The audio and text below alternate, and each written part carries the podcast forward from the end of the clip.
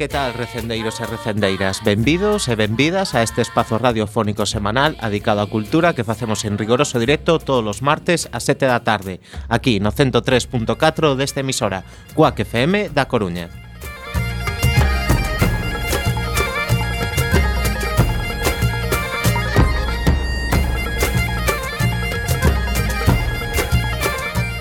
A Agrupación Cultural Alexandre Bóveda presenta este programa que podedes escoitar polas ondas radiofónicas ou a través da internet e tamén en directo na páxida da emisora cuacfm.org. Se non chegaches a tempo, non tes excusa, compañeiro. Podes descargar todos os programas xa emitidos tecleando www.blogoteca.com barra recendoblog ou escoitalo na redifusión, que será os mércores ás 8 da mañá, os venres ás 13 horas e na madrugada do domingo ao luns a 1 da mañá. E a partir de agora, seguidernos nas redes sociais, tanto no Facebook como no Twitter, arroba recendo FM, onde queremos formar unha comunidade recendeira. Tamén podes visitar o Facebook da agrupación e a.c.alexandre.bóveda.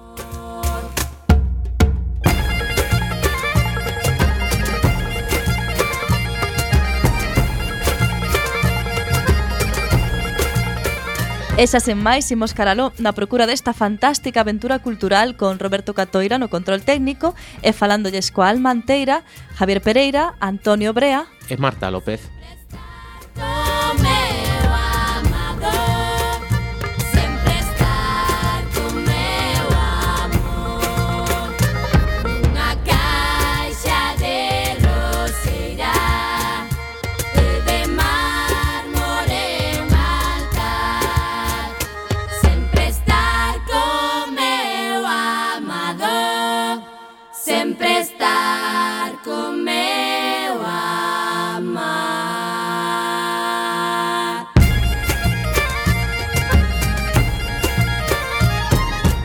programa número 209, o programa de hoxe monográfico con entrevistas telefónicas a galerías de arte. Falaremos coa Galería 30 de Compostela, a Galería Montenegro de Vigo e coa Galería Bisol de Ourense. Así que excepcionalmente non teremos ningunha sección. Falaremos das actividades da nosa agrupación e das outras cousas que se fan na Coruña e na Galiza e que tamén son cultura. En canto á música, xa que o programa de hoxe trata sobre arte, imos poñer música composta para unha das artes máis excelsas, a danza. No ano 2009, Nova Galega de Danza presentou o seu espectáculo Tradicción, cunha magnífica banda sonora como é habitual neles. Presentamos agora a primeira peza titulada Muiñeira de Sofán.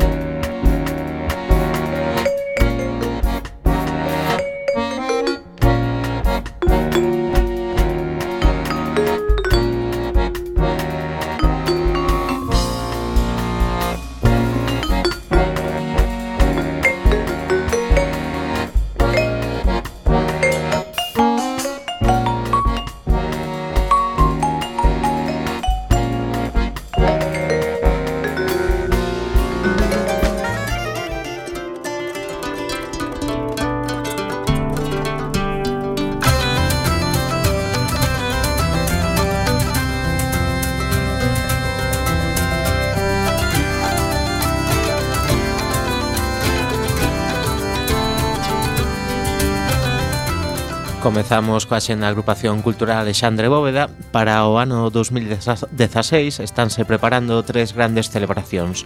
O centenario das Irmandades da Fala o Día das Letras Galegas para Manuel María, socio de honra da nosa agrupación e o 40 aniversario da nosa identidade. Durante este 40 aniversario cada mes haberá algún acto importante que iremos anunciando no seu momento. O xoves 21, acto de, de inauguración do noso 40 aniversario. Será ás 20 horas no Salón de Actos da Agrupación.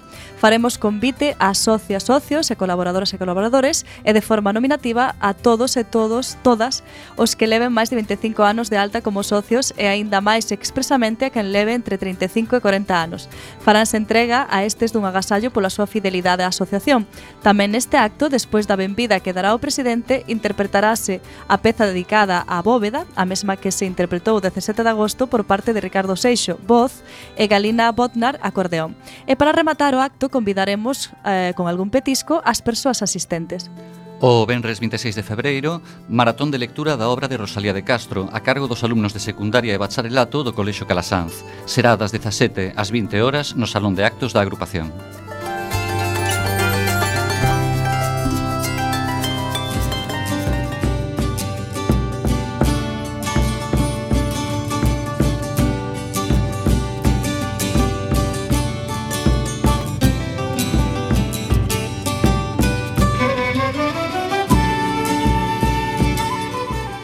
a quenda da Xenda Coruña. Comezamos con cine porque no Cegai estás a proxectar un ciclo de Sergio Oxman onde poderemos ver a práctica totalidade da obra do cineasta de orixe brasileira. Así, hoxe ás oito e media proxectarán Futebol, da actualidade pola estrea e grande repercusión no circuito internacional de festivais. Na Sala Mardi Gras, o Benres 22, concerto de Jaco Gardner, un holandés que revolucionou o pop vintage cunha resonancia emocional melancólica. As súas cancións van crecendo en plan mantra como se foran soños enfebrecidos. O sábado 23, no Centro Ágora, ás 20.30, dentro de, do ciclo Ilusión, temos Clink, un espectáculo creado e dirixido por Pep Bou e con Isaías Santolín, Eduardo Tellechea e Agustí Sanjei Unha montaxe creada cunha linguaxe singular, pensado para un público universal con ganas de ser sorprendido e de descubrir as virtudes que esconde no seu interior. Os días 22 e 23, no Teatro Rosalía de Castro, ás oito e media, gran estrela de Ibupof, Ibuprofeno Teatro. Neste caso, Raclet, que é unha maneira de comer en comunidade inventada por pastores suizos que se reunían ao redor dun lume para ir cociñando e quentándose. Nesta Raclet, urbana falase de temas universais como a morte, a parella, a maternidade, con Toni Salgado, Débora Bukusic, Marian Bañobre, Iria Sobrado e Salvador del Río, está escrita e dirixida por Santiago Cortegoso. Ata o domingo 24 aínda podemos ver na Sala Municipal de Exposición Salvador de Madariaga a exposición fotográfica Fotoxornalismo Coruña 2015, na que podemos ver máis de 20 imaxes de outros tantos autores que acercan todos os campos da actualidade e todas as estéticas dos fotoxornalistas da nosa cidade, cun denominador, denominador común, a súa calidade. O lunes 25 ás 20.30 no Ágora, dentro do ciclo Poetas din versos, contaremos coa presencia de Juan Carlos Mestre, poeta e artista gráfico, non só conta cunha amplia trayectoria dentro da poesía e do ensaio, senón que tamén expuxo a súa obra plástica en galerías de todo o mundo. Tamén estará Miguel Mato Fondo, o poeta bergantiñán, componente do colectivo poético que se deu a coñecer nas antoloxías tituladas De Amor e Desamor. Presentou hai pouco Terra Fría e é colaborador de Recendo. Rematamos o mércores día 20 no Jazz Filloa en dobre sesión ás 10 e ás 11 concerto de Billy's e Songbook.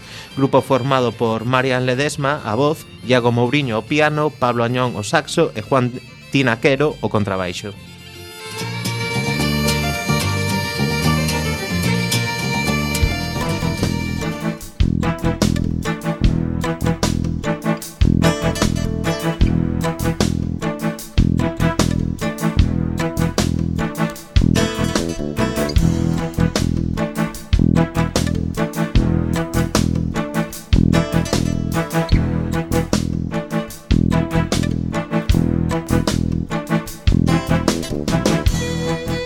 Imos agora ca xenda de Galiza. Empezamos por Lugo.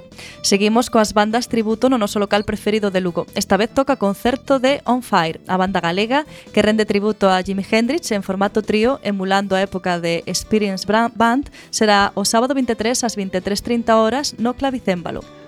En Ourense, o innovador grupo galego CRO actúa Os catro músicos e o videoartista Borja Fernández, que tamén forma parte do grupo, encherán as paredes do Café Cultural El Pueblo. Será o venres 22 de xaneiro ás 10 da noite.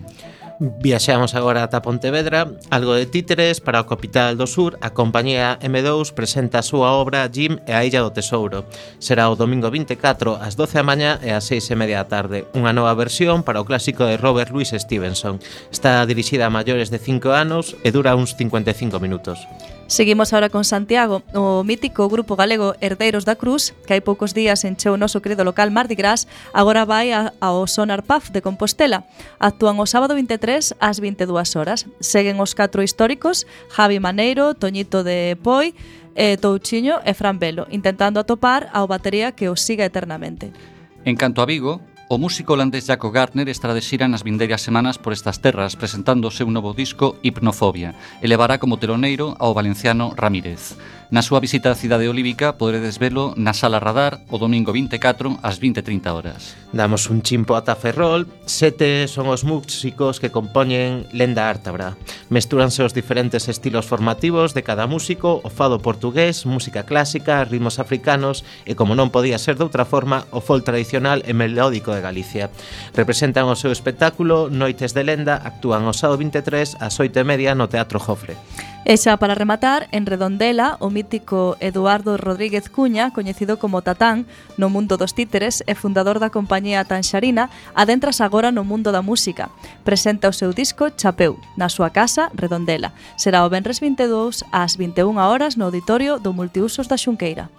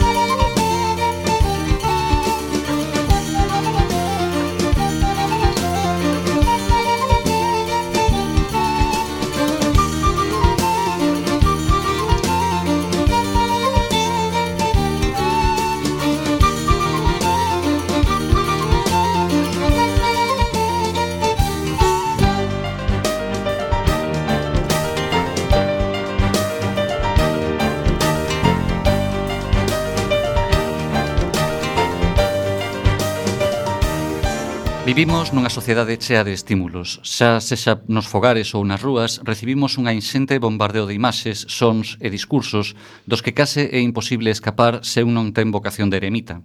Moitos destes estímulos son considerados arte, ou polo menos teñen un pé metido neste mundo.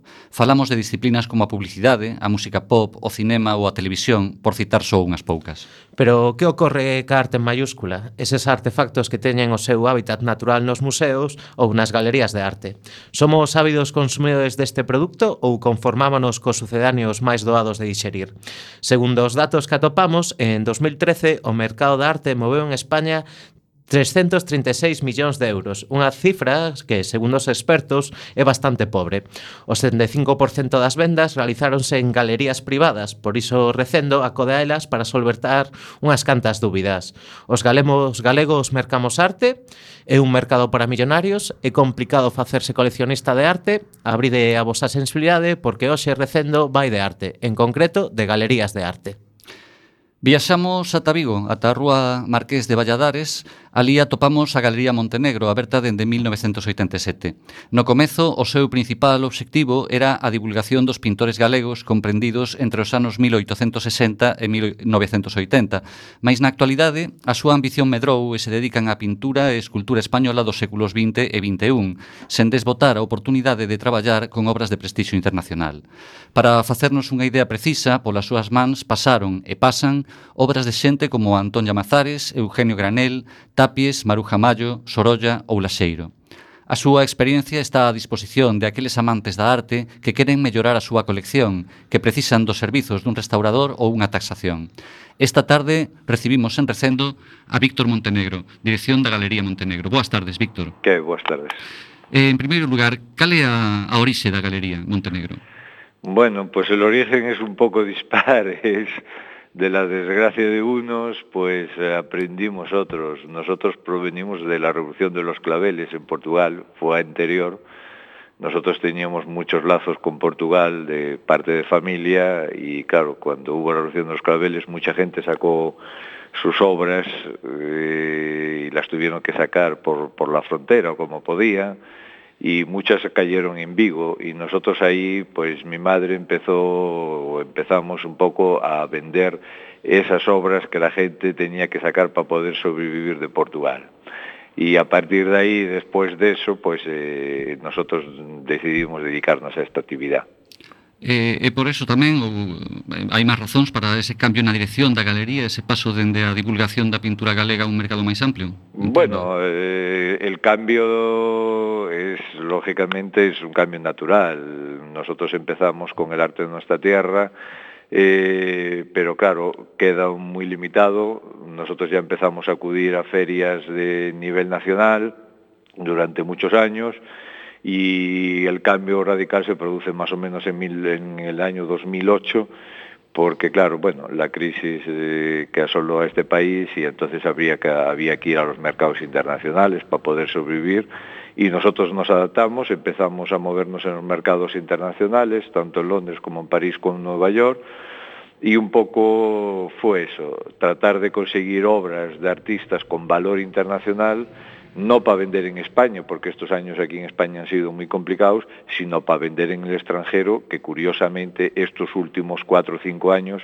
han sido los mejores años en el mercado internacional. Estas obras coas que traballa Galería Montenegro son obras que a galería ten en propiedade ou principalmente son eh, funcionales como intermediarios? Bueno, las dos cosas. La galería tiene un fondo de pintura muy importante. Yo diría que creo que es la galería con mayor fondo que, que, que hay en, en, en Galicia un fondo propio, pero lógicamente después también trabajamos con obra de, de, de, gente, de particulares, que por X razones deciden vender y depositan su confianza en nosotros y nosotros le, lógicamente hacemos de intermediarios para vender y buscar las obras en, en otros sitios y otros ámbitos. ¿Es muy complicado conseguir obras de artistas reconocidos? Sí, muy difícil. Primero porque aquí en Galicia, hablo de, de artistas reconocidos a nivel internacional complicadísimo. Mm. Eh, a nivel nacional, bueno, más fácil. A nivel gallego, pues bueno, aquí en Galicia tenemos y entonces mmm, vamos consiguiendo. Ya nos conoce mucha gente y mucha gente confía en nosotros. Pero conseguir obras en España con valor internacional, complicadísimo. Eh, Víctor, o mercado da arte asequible a todos os petos? Depende das intenciones que tenga uno.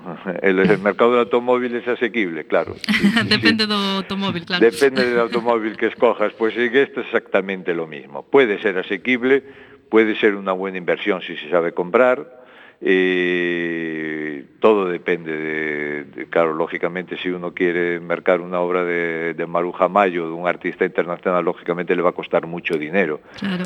Pero hay muchos artistas y en Galicia los tenemos y a nivel español que ahora en estos momentos están baratísimos y, y, y se pueden comprar mm, sin demasiado esfuerzo económico. Uh -huh. E a compra-venta de arte tan apetitosa para os especuladores como moita xente cree? No tanto como dicen. La prensa y los medios suelen siempre difundir eh, noticias que llamen demasiado la atención. Pero bueno, eh, depende del punto de vista que uno vea, pero lógicamente, claro, los coleccionistas tienen un apetito feroz siempre por conseguir sus buenas obras. Claro. E a hora de tasar unha obra, cales son os factores que influen?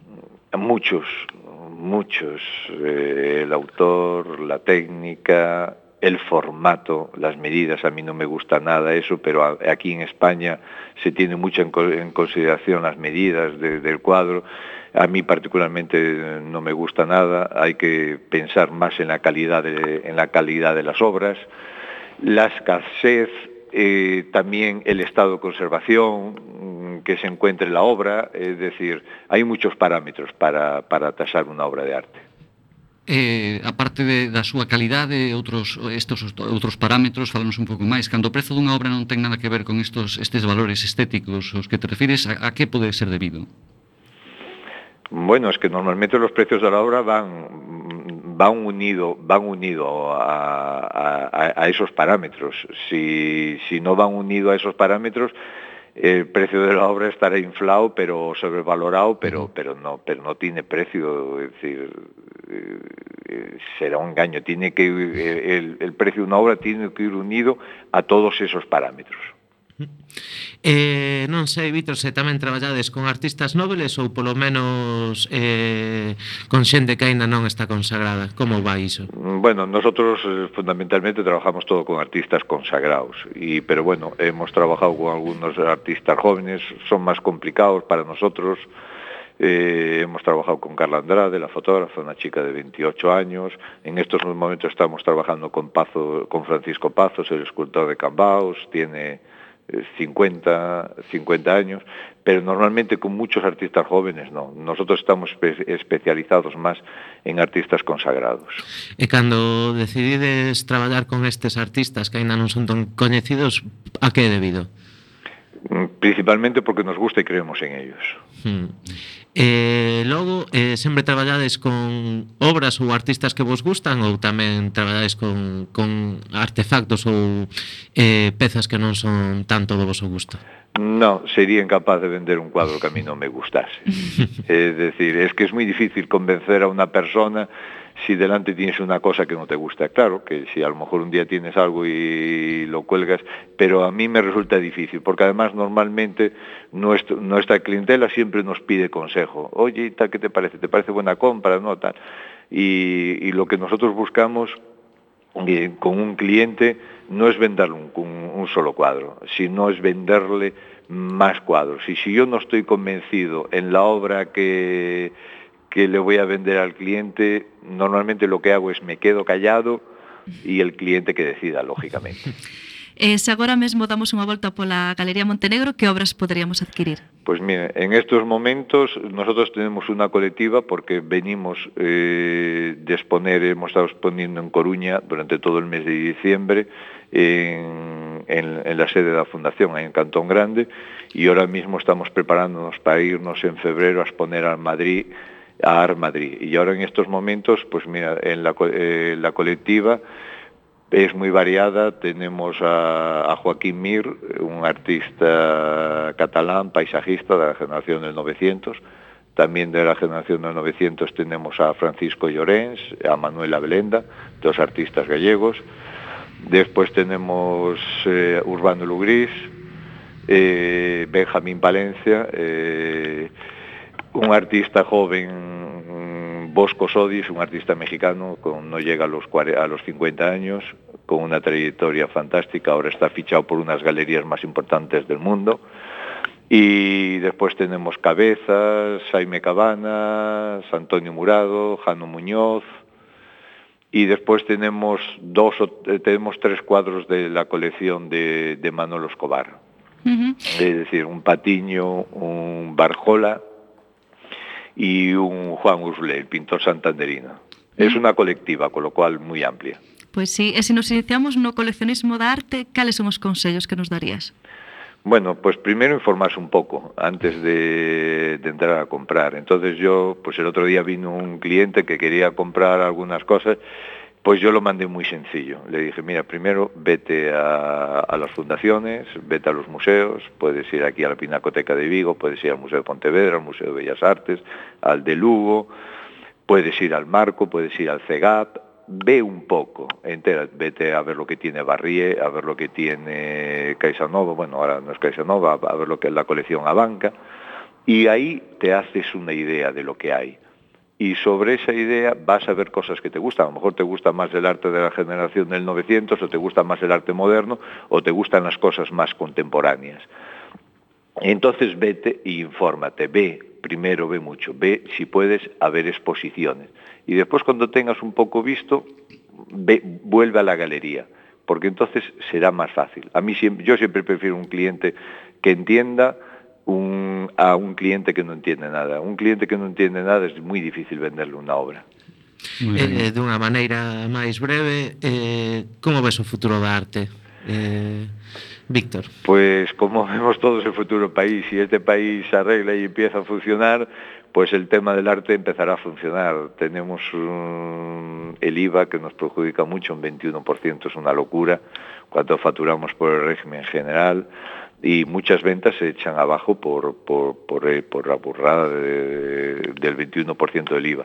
Pero a medida que esperemos que este país vaya mejorando un poco, pues me imagino que nuestro mercado eh, empezará a mejorar. Nosotros ya hemos, estamos cometiendo la locura en estos momentos, pues la próxima semana empezamos la ampliación de la galería de arte, cosa que en estos momentos que han cerrado tantas galerías de arte, eh, bueno, en España, pero en Galicia también, nosotros acometer ahora en estos momentos una ampliación de la galería, no sé, me da la sensación de que estamos un pouco locos, pero bueno, lo vamos a hacer. Pois moitas gracias, Víctor, e moita sorte con esa ampliación da galería. Vale, moitas gracias. Nos imos facer unha pausa musical e imos escoitar cantar dos arrieros da, eh, de La Mosa de Nova Galega de Danza.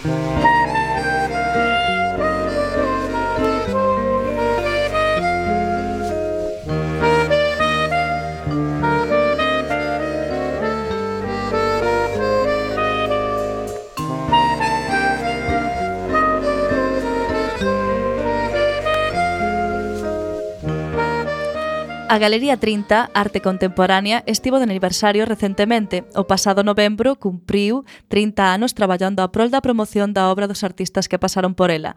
No seu local da Virxe da Cerca acolleron o traballo de xente como Bari Caramés, Eva Loz, Pamen Pereira, Esther Ferrer e moitos outros. En Galería 30 séntense unhos privilexiados, non só por levar tres décadas nun mundo tan complexo, senón polo placer de adicarse ao que lles gusta nunha sociedade que vota a maior parte do tempo de costas á arte. O último froito desta dedicación é por mí, por todos mis compañeros e primeiro por mí. A exposición do artista Manuel Saez que celebra con antelación o seu 65 aniversario. Para contarnos máis de 30 temos a Asunta Rodríguez, a súa propietaria. Boas tardes, Asunta. Hola, que tal? Boas tardes. Eh, en primeiro lugar, como nace Galería 30? Eh, Galería 30 nace no 85, no número 30 da Rúa Nova, no segundo piso, eh, fruto de, da idea de unha, un conxunto de xente que pensan que son anos nos que non hai moitas manifestacións artísticas contemporáneas na cidade e metense na aventura de montar unha galería de arte. Eu comecei a traballar nela no 88, res, nada máis eh, terminar os meus estudios na Universidade de Santiago e ata hoxe. E agardabas que o proxecto durase 30 anos? Nunca me plantexei, nunca pensei niso. Eu creo que si de ter, de ter pensado eh, dese xeito non se tuvera conseguido. O sea, e cal é o motivo do éxito? Cal pensas que? Bueno, eu non falaría exactamente de éxito. Sobrevivir eh, bueno, unha cousa éxito. que se persigue eh, constantemente na vida. Eh, bueno, eu creo que traballamos moito, que facémolo con certa coherencia e que, sobre todo, sobre todo, gustanos o que facemos. Moi ben, fálanos un pouco agora da, da exposición que ocupa agora mesmo a Galería 30. Bueno, ahora temos unha exposición individual que é a, a cuarta de Manuel Saiz na galería. Eh, forma parte dun proxecto de, de longo recorrido, percorrido, que se chama If Alive, Si Sobrevivo. É eh, un proxecto que comenzou fai moitos anos no Museo de, do Ampurdán, en Figueres, e que é unha visión sobre o paso do tempo, unha reflexión tamén sobre o público e o privado, e que eh, ten como motivo final programar con moitísima antelación unha festa de cumpleanos, unha festa de 65 cumpleanos, a do artista. Pero reflexiona sobre eh, a posibilidade de de que ese feito non teña lugar porque o artista non viva e reflexiona, polo tanto, sobre as causas eh, obxectivas e subxectivas que constantemente eh, penden sobre as nosas decisións, non? Que, que nos facemos eh, eh, planes, pero ás veces non se poden cumprir. Ah, Eh, moitas veces para estes plans fai falla cartos asunta, que é un tema bastante feo de falar. Pero podes vivir de, dunha galería de arte ou hai que compaxinalo con outra cousa? Bueno, eu vivo dunha galería de arte. Vivo, mal vivo, sobrevivo, eh, eh, vivo contenta, non? Entón, perfecto. Eh, bueno, eh, hai que facelo, hai que facelo. Eu recordo que cando era moi nova, empezaba nisto, eh, tiña moita ilusión, había xente que me decía non deixes a túa carreira, carreira universitaria, non deixes eh, a posibilidade de traballar na universidade eh, ter un, unhos cartos que entren todos os meses. Eu nunca fixen caso desto. De ter feito caso a isto, é moi probable que 30 non existise porque mm, era necesario que isto funcionase, era, era necesario eh, tirar para diante. Mm, Polo tanto, toda a enerxía se lle dedicaba ao proxecto. E, bueno, cando un é moi teimudo, ás veces consigue as cousas que se propón. Pois felicidades por tomar esa decisión asunta. Eh, para que nos fagamos unha idea a xente que somos profanos a hora de mercar arte, cales son as marxes de beneficio dunha galería? Bueno, de eso, de eso sí que non sei se se pode falar así a todo o mundo. Mira, moita xente pensa que nas galerías a arte máis, ca, eh, máis cara. Hmm que nos eh, estudios dos artistas, porque pensan que os galeristas eh, somos xente que lle subimos os prezos eh, as obras de arte para ter un, unha marxe, eso non é certo. Eh, moita xente pensa que como os mm, nosos porcentaxes parecen moi elevados, creen que gañamos moitos cartos, e tampouco é certo. Porque cando vendemos unha peza, eh, temos que descontar dese marxen de beneficios o transporte, moitas veces os custos de produción, eh, moitas veces a cantidade de tempo e de exposicións que temos feitas e de feiras as que temos acudido nas que non temos vendido nada dese artista. Uh -huh. Entón, eh, bueno, hai márgenes, bueno, pod poderíamos decir que a galería é un barco no que nun lado vai o artista e no outro lado vai o galerista e que todo se comparte a mitade, non? Mm. Asunta, e como facedes para a seleccionar os artistas cos que des traballar? Bueno, como dicen as, na nosa web, os criterios son sempre subxetivos. Eh, o único que importa é que consideremos que o traballo do artista mm, está ben, que nos guste e que encaixe dentro de da liña que ten a galería e a liña que ten a galería, unha boa galería ten que ser o que lle gusta ao galerista o que lle gusta non, non só eh, porque é bonito, non só porque é decorativo, non só porque sabe que o pode vender, sino tamén porque sabe que ten unha trascendencia, que ten unha importancia, que, que ás veces pode mudar un pouquiño a historia da arte, non? Uh -huh. E sodes vos os que vos podes en contacto co artista ou son eles os que van a vos? Bueno, eh, nos traballamos cun artista moi importante que xa é Premio Nacional de Artes Plásticas, que non vou decir o nome, eh, e esa persoa que xa era moi importante, un artista moi recoñecido nos, nos anos 80, esa persoa chamounos. Mm. Casi me desmaio cando recibín, cando, cando dixo, son fulanito.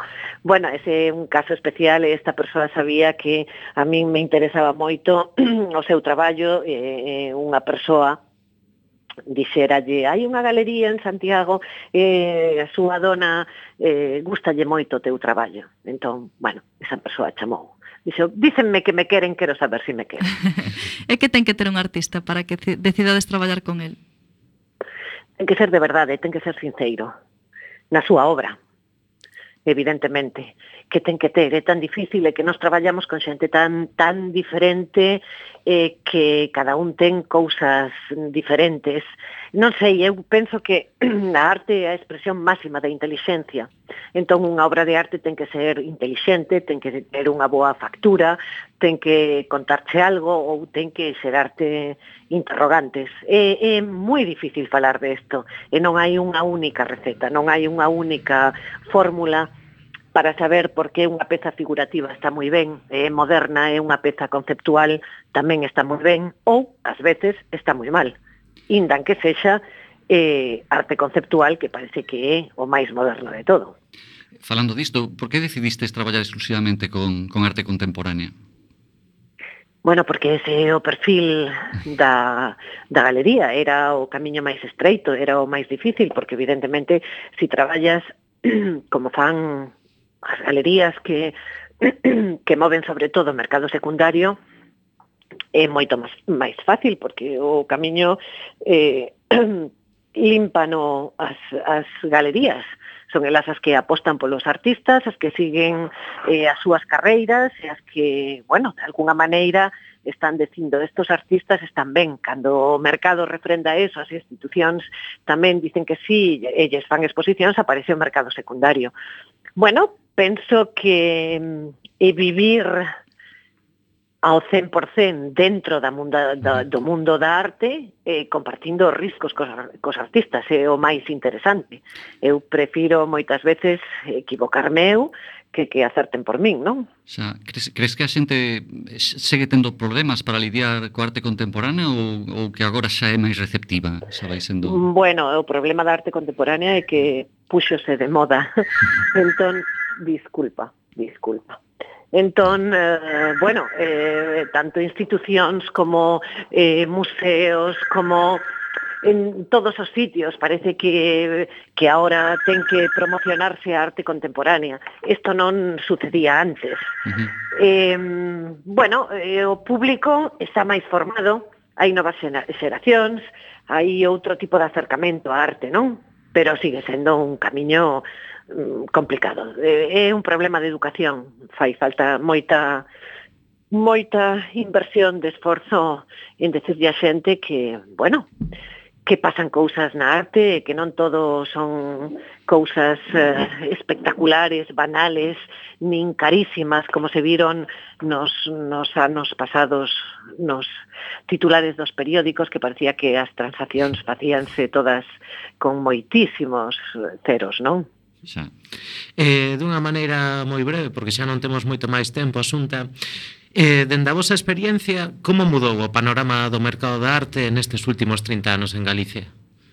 Bueno, é máis doado, é máis doado vender unha peza ahora, Eh, pero sempre fago a reflexión de que antes eh, o vicio de non ter infraestructuras, o problema que supoñía eh, que todo era moi difícil, facía as cousas máis, máis fáciles. Ahora somos como nenos con moreas de xoguetes o día de reis que non saben co que xogar. Entón, eso mm, eh, produce un, un, un certo hastío, un certo cansancio no público. Mm-hmm. Pois moitas gracias, Asunta, e desexamoslle outros 30 anos á Galería 30. Bueno, veremos que podemos facer. Seguro que podes. Moitas grazas. Nada, vos facemos a nosa segunda pausa musical, esta vez Xota do Marreco, tamén de Nova Galega de Danza.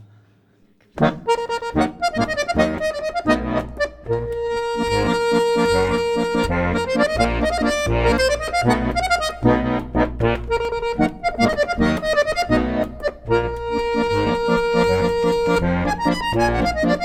Música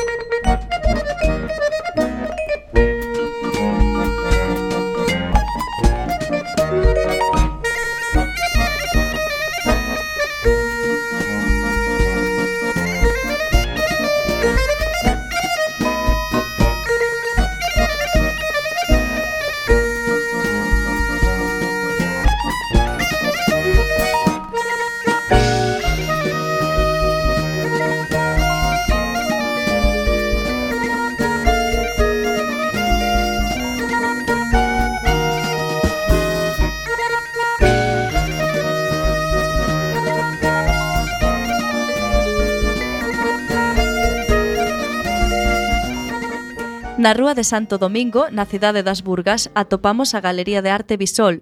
Levan coas súas portas abertas dende 1996, sempre traballando nunha liña ecléptica que trata de mesturar o clásico co moderno, sen esquecer aqueles artistas con propostas vanguardistas ou arriscadas.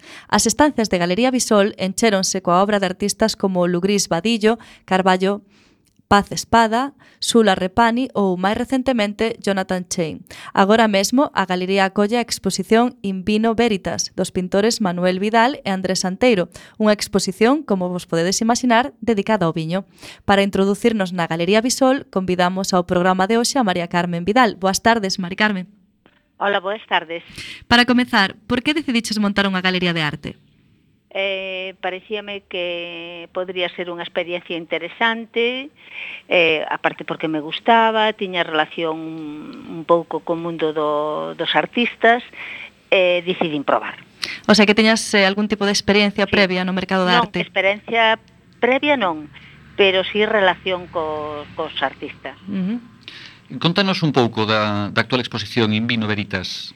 Bueno, en Vino Veritas son, xuntanse, encontranse máis bendito un, dúas generacións, unha persona xa con edad mm, respetable, que é Manolo Vidal, mm. e Andrés Santeiro, que é unha persona xoven. Andrés Santeiro foi tamén un pouco alumno de Manolo Vidal, de aí que surxira a exposición conxunta e a idea deles de que querían facer algo sobre o viño. Uh a temática do viño. Uh -huh. Eh, é unha exposición figurativa, claro, como podría ser abstracta, pero non se vería ben o viño, eh, e está ben, o sea, cada un non seu estilo moi diferenciados, eh, Manolo Vidal pois enfoca un pouco sobre o ambiente das viñas, o, a tonalidade eh, de otoñal, nun paisaxe galego pinta moitos paisaxes pois de, de Leiro, de Beade, o sea, toda esa zona do Ribeiro. E Andrés Santeiro fai primeiros planos das, das, das uvas, das cepas, por decirlo de algún xeito. Uh -huh.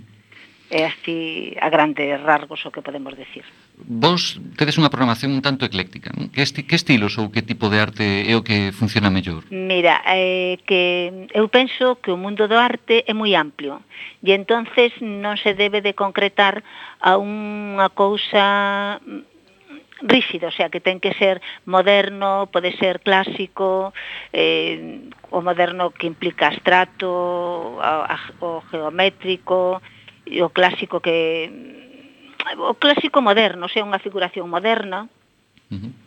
figurativo, o sea, pero abarca no, no, o sea, que non nos guiamos solo por unha línea ou por sí. artistas solo galegos, queremos que sea un pouco aberta. Eh, Mari Carmen, eh, xa levades uns cantos anos abertos, eh, xa tedes unha clientela fixa ou con cada nova exposición aparecen novos compradores? Eh, bueno, eso mm, nunca se sabe. Eh, non cabe duda que según que tipo de exposición eh, alcanza un público ou a outro. Se é unha mm, se a exposición é unha liña como moi moderna, o sea, hai hai un público diferente dos que lle gustan as cousas pois como un pouco o clásico, mm, esos paisaxes de antaño ou as temáticas, aí eso é o que diferencia o público. máis que nada.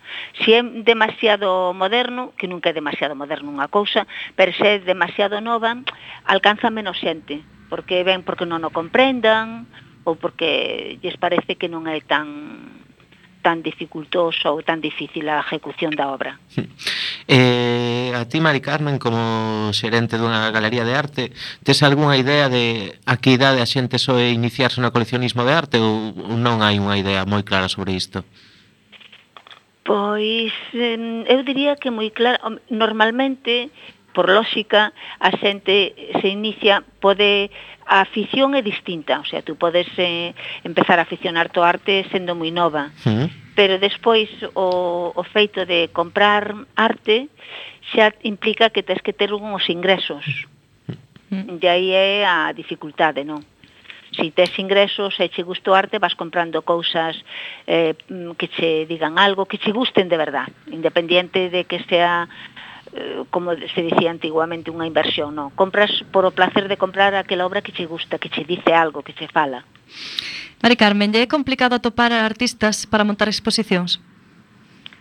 Pois mm, Depende, hai veces que mm, algúns artistas que non ten interés ven porque residan fora, eh, é máis difícil contactar con eles pero vaise conseguindo unha programación entre mm, tradición e modernidade, o sea, vamos conseguindo artistas dentro do que nos, nos queremos. Uh -huh. Hai veces que nos gustaría máis, pero non é posible, o sea, é máis dificultoso. Podese chegar a conseguir, pero o trayecto é máis longo. Xa, e Ourense é unha cidade que gusta da arte ou é complicado conseguir que a xente acuda á galería? Mira, eu Orense por tradición mmm, chamábase Atenas de Galicia. Uh -huh. O sea que ten, a, solo escoitando eso implica que tiña que haber moita afición e moitos artistas, hai artistas moi bons en Orense, non só ahora mismo, sino de, de antes. Uh -huh. Vamos, eu recordo de pequena, e xa se falaba dos nosos artistas, había esa, esa inquietud non por, por a cultura plástica, a literatura, e eh, e entonces mm, que despois manter unha galería, eso xa é outro apartado. Eso xa é distinto. Unha cousa é a afición e o gusto por que se pode ter por a pintura, a escultura, a fotografía, e outra é podelo levar a cabo. Bueno, logo tamén hai que ter cartos para poder compralo, non? Tamén, pero mira, aparte de comprar que é moi agradable, eh, tes que ter afición de ver porque se non tes afición de, de ir a ver unha exposición, de ir a ver un museo se si estás fora, entonces, inda que podas comprar arte, non che preocupa. Compras mm. calquer cousa decorativa sen preocuparte demais. Xa que falamos de cartos, na túa opinión, eh, crees que comprar arte caro? Pensas que é unha idea falsa? Eh, mira, eu creo, eh, que non quere dicir que sea a verdad, eu creo que mm, que comprar arte hoxe, hoxe en día podes comprar unhos grabados de unha calidad tremenda a un precio moi asequible, fotografías espléndidas asequibles. Pero o que eso non é noticia. Que noticia? Que saliu un subasto cuadro de non sei que que costa cento e pico de millóns ou unha barbaridade. Un récord, Entonces, sí. a xente que, con que se queda? Que o arte é carísimo, que o arte é inasequible. E encima de ser inasequible, para que vamos a ver arte se si total é inasequible? O sea que o que lle fai daño, si o que lle fai daño ao arte eso que sale na prensa de, de esas barbaridades. E despois, como na escola tampouco se fomenta moito a afición por o arte, pois xuntase demasiados vicios para pa que non crezca o que debera o arte. E o arte hai que pensar que eu penso que é unha ventana a un horizonte amplísimo que che pode facer crecer, que che dá satisfacción, pode che dar rabietas tamén, pero que é un mundo que merece a pena introducirse nil. Be, se eres creador, moitísimo máis, pero bueno, estamos falando por a parte, por a outra parte. A mí xa me gustaría, pero pero non. Hasta aí non dou chegado. A lo mellor algún día surxe un milagro, pero non. Non eh, creo que pase eso. Sempre conseguides vender todas as obras que forman parte dunha exposición ou canto é habitual? Incluso bueno, mira, houve algunha exposición na que non conseguirades vender nada? Si conseguíramos vender o 50% de todas as exposicións salíamos nas noticias. O sea que pode haber exposicións que que poden ser visitadas, pero que a venta é nula total. Uh -huh. Eso sí que xo podo dicir sinceramente. Hai exposicións que que, que son moi boas, eh, que non teñen a acollida que deberan de, de público, simplemente de visitantes, e de venta xa non digamos. E iso, de... Mari Carmen, perdoa, ocorre cos proxectos máis arriscados ou con que proxectos ocorre? Eh, mira, eso pode ocurrir con cualquera, pero cuanto máis arriscado, máis riesgo hai. O sea, eh. máis difícil é. Eh? Hmm. Eso seguro, vamos, hai hai veces que te desanimas porque ves que fas con ilusión un proxecto, oye, pois pues isto mira que interesante que a xente vexa isto, que é novo, que que non é tan conocido, e ves que que que non que non desperta o interés que que sería de desear, claro. Pois é unha lástima, eh, Mari Carmen, que non pois. desperto o interés que debería, tamén unha lástima que nos quedamos en tempo. Eh, moitas gracias por atendernos e por seguir traballando po, pois polo pois, arte aquí en Galicia. Sempre seguiremos cun criterio de calidad independiente do estilo que se expoña. Moitas gracias, Mari Carmen. Gracias a vos por, por esta por este ratiño, vaya. Moitas gracias. Vale, moi boa sorte, gracias. Hasta logo. Hasta logo. E sen tempo para máis odiseas, imos chegando a fin do camiño deste recendo, despedimos o programa de hoxe agradecendo aos nosos convidados que, como sempre, foron de honra. Hoxe estiveron connosco eh, de Víctor da, Valer eh, da Galería Montenegro, Asunta da Galería 30 en Santiago de Compostela, e eh, Mari Carmen da Galería Visol en Ourense. E agradecemento e semente pedra angular de todo o noso comando e equipo de producción formado por Javier Pereira, Uxia Vázquez e Roberto Catoira. E aquí estivemos Roberto Catoira nos controis e co alento no micrófono Javier Pereira, Antonio Brea e Marta López. Acompañándote neste recendo de palabras e de imaxes radiofónicas que nos traen este aroma cantado na nosa lingua e que nos permite